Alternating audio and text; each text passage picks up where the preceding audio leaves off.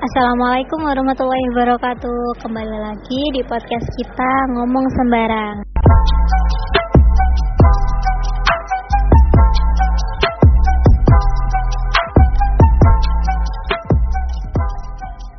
Nah, di season ini uh, kita masih kita masih mau ngobrolin tentang tentang apa nih? Tentang mudik. mudik. Yang lagi apa?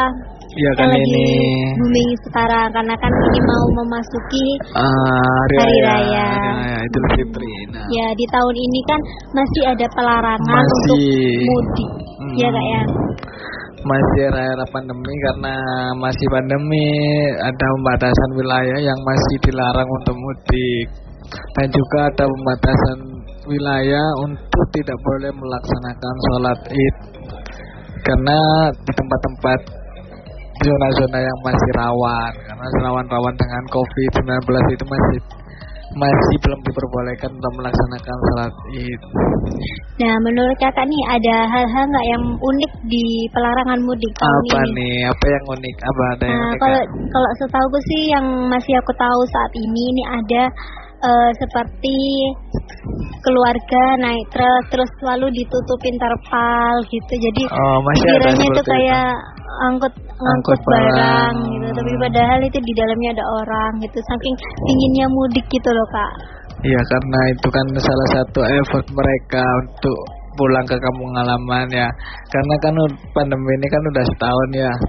Iya benar setahun sekali. mereka yang para rantau-rantau udah hampir setahun lebih lah belum pulang. Mungkin itu salah satu effort mereka supaya mereka bisa pulang dan ketemu dengan keluarga mereka di Iya. kampung.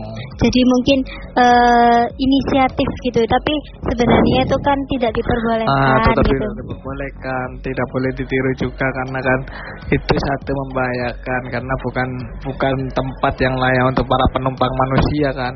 Itu Iya. kan untuk Cuman karena mereka karena mungkin mereka gitu rasa kangennya kepada keluarga Nah, di mungkin desa itu salah satu atau semangat. kepingin saking kepinginnya gitu saking Mm-mm. kepinginnya karena kan memang mudik itu kan sudah tradisi di Tradisi Indonesia dari tahun ke gitu. tahun, Mm, nah. jadi kalau dilarang gitu pasti banyak pro kontranya gitu dari seluruh lapisan masyarakat Iya. ini Lalu ada kak ini di banyak di akun-akun IG itu Ada apa yang nih? memposting eh, banyak pen, pemudik itu yang nerobos. Jadi Nerobos. waktu sama polisi ini sudah mengawal untuk tidak boleh untuk tidak boleh melewati ha, di perbatasan itu.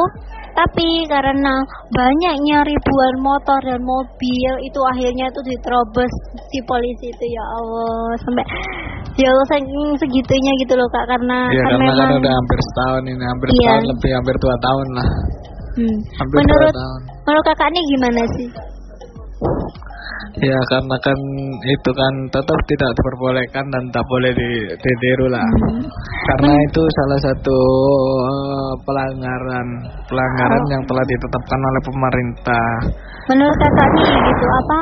eh, menurut kakak tentang pelarangan mudik ini sebenarnya efisien nggak di Indonesia yang seperti ini? Karena kan Menurut eh, sebenarnya Indonesia itu kan mengacah di India kan karena waktu festival apa itu yang bikin kerumunan itu loh kak apa itu?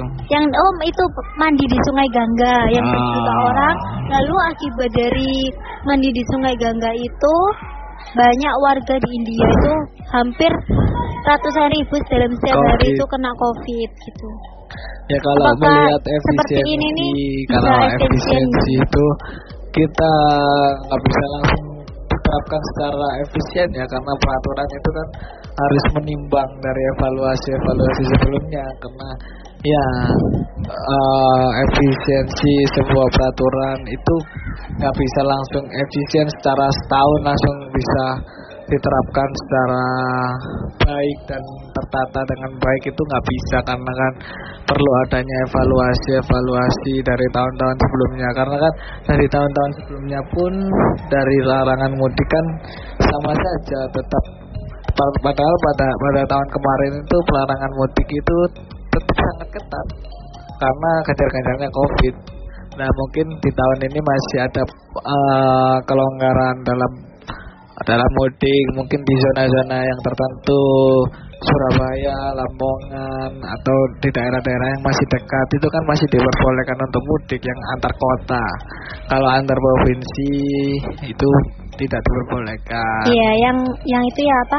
Eh, wilayah rayon gitu, rayon Mm-mm. rayon Surabaya itu hanya boleh mudik di kota-kota tertentu gitu ya. Hmm, Ya, semoga aja dengan pemberlakuan seperti ini bisa mengurangi dan eh, di tahun berikutnya kita bisa berjalan dengan apa kita bisa diperbolehkan untuk mudik dan bisa berkehidupan normal seperti biasanya gitu. Ya, Sebenarnya juga kan kita kangen ya Kak ya, kangen sekali gitu kehidupan yang normal gitu tanpa adanya aduh takut rasa takut adanya Covid atau inilah itulah gitu. ya kan pemerintah sudah mengusahakan berbagai upaya untuk eh, untuk pencegahan dan apa menghapus COVID ini dari Indonesia.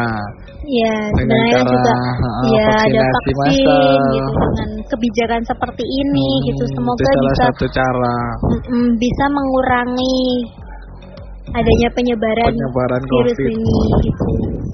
Tapi jika melihat dari dari kita melihat dari India gitu, memang kan sangat itu ya, apalagi kan Ya, tradisi kalau- di di Indonesia ini kalau mudik pasti berkumpul lah gitu, Iya. berkumpul berkerumun gitu.